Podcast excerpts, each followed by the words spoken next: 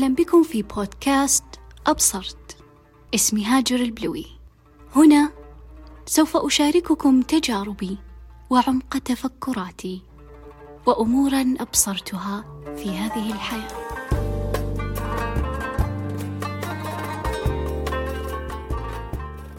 هذه الحلقة بعنوان كرسي الانتظار.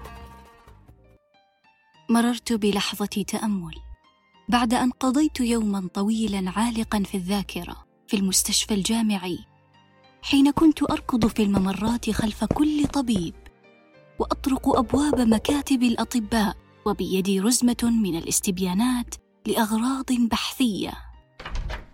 أنا طالب الطب ممكن دقيقتين من وقتك لو سمحت بس تعبي لي ده الاستبيان. من بداية اليوم زارتني نوبة الصداع النصفي ولكن في نهاية اليوم اشتدت النوبة. قدمي لا تحملني من فرط المشي وعقلي يقول لا بأس لابد أنك حرقت الكثير من السعرات الحرارية. لحظة أشعر وكأن معدتي تعصر نفسها. أوه أنا أشعر بالجوع. صحيح فأنا لم أتناول شيئا منذ الصباح وأيضا لم أنم منذ البارحة. لأنني كنت أدرس لذلك الامتحان الصعب. فقد خرجت من قاعة الاختبار مباشرة إلى المستشفى. فلا وقت لدي لأضيعه وفي آخر اليوم بعد أن انتهت رحلة تعبئة الاستبيانات الشاقة جلست على كرسي الانتظار في الشارع أنتظر السائق. بعد ركض استمر لساعات متواصلة في أروقة المستشفى. ورؤية الأطباء وتجاذب أطراف الحديث الملهمة مع الجراحين والتفكير في الطموح والمستقبل. وماذا أريد؟ وماذا سأصبح؟ والقلق يتملكني. هل سأكون مثلهم يوما ما؟ والتعب يعتريني لأن يومي لم يكن هينا على الإطلاق. والنوم يتسلط علي حتى أنني لم أستطع أن أتمالك نفسي أكثر. وفجأة غفت عيناي بالخطأ على كرسي الانتظار. لم أكترث للمارة ولا لأشعة الشمس التي تكاد من حرارتها أن تخترق رأسي ولا لإزعاج السيارات وأصوات الأبواق.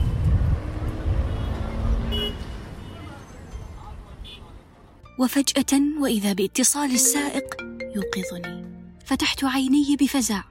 ونظرا لميلان رقبتي إلى الجهة المعاكسة وذلك الألم المزعج. استنتجت أنها كانت غفوة شبه عميقة. مررت بلحظة صمت ثم سرحت. أفكر في حالتي التي يرثى لها. جوع وسهر وأداء سيء في الامتحان وقدمان متورمة وشريان في الصدغ ينبض بكل ما أوتي من قوة وكأن قلبي قد صعد إلى جبهتي. وفوق كل ما أمر به الآن وثقل ما أطمح له في الغد. تخيلت لوهلة أن يكون لدي مسؤوليات وأعباء أكثر فوق عبء دراستي. تخيلت لو أن بعض هذه المسؤوليات قد تكون بانتظاري في المنزل ولا بد من أن أقدم لها الرعاية والاهتمام التام وأنا بهذه الحالة. وبعد تخيل الكثير من السيناريوهات التي تزداد سوءا بعد سوء فجأة جن جنوني وقلت الحمد لله الذي لا يكلف عباده فوق طاقتهم.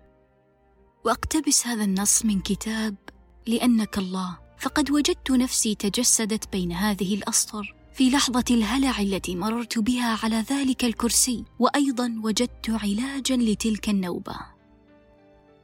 هل تشعر بضعفك؟ وبأن الدنيا بتفاصيلها أكبر منك؟ وبأنك ريشة في مهب ريح الحياة الصاخبة؟ هل تشعر أنك طائر قص جناحاه فهو خائر القوى بحاجة إلى مساعدة؟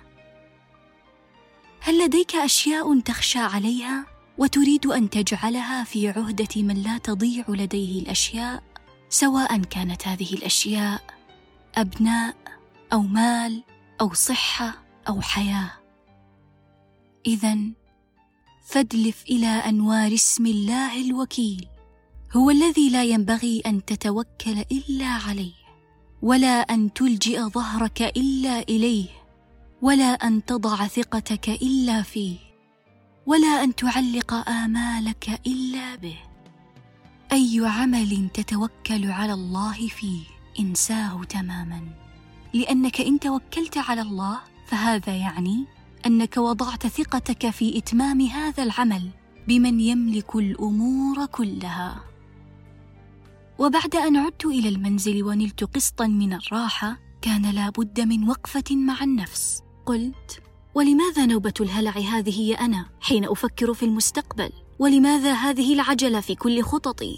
ولماذا كل هذه التخيلات التي ما أنزل الله بها من سلطان؟ هل حسبت أن كل شيء سوف يحدث في آن واحد؟ ألم تدركي أن لديك خطة لا تشوبها شائبة بانتظارك؟ هدئي من روعك واطمئني. فهناك من يرعاك ويتكفل بطموحك وشغفك وكل خططك المستقبلية. وكذلك ايا كان ما يحدث في حاضرك الآن. إنه الله المدبر فتدبيره يتضمن علما وعدلا وحكمة. فلا ترى فيه نقصا ولا عيبا. ومن لطفه ورأفته أنه لا يحمل نفسا إلا وسعها. وأبصرت عمقا خلف ما حدث في يوم المنهك.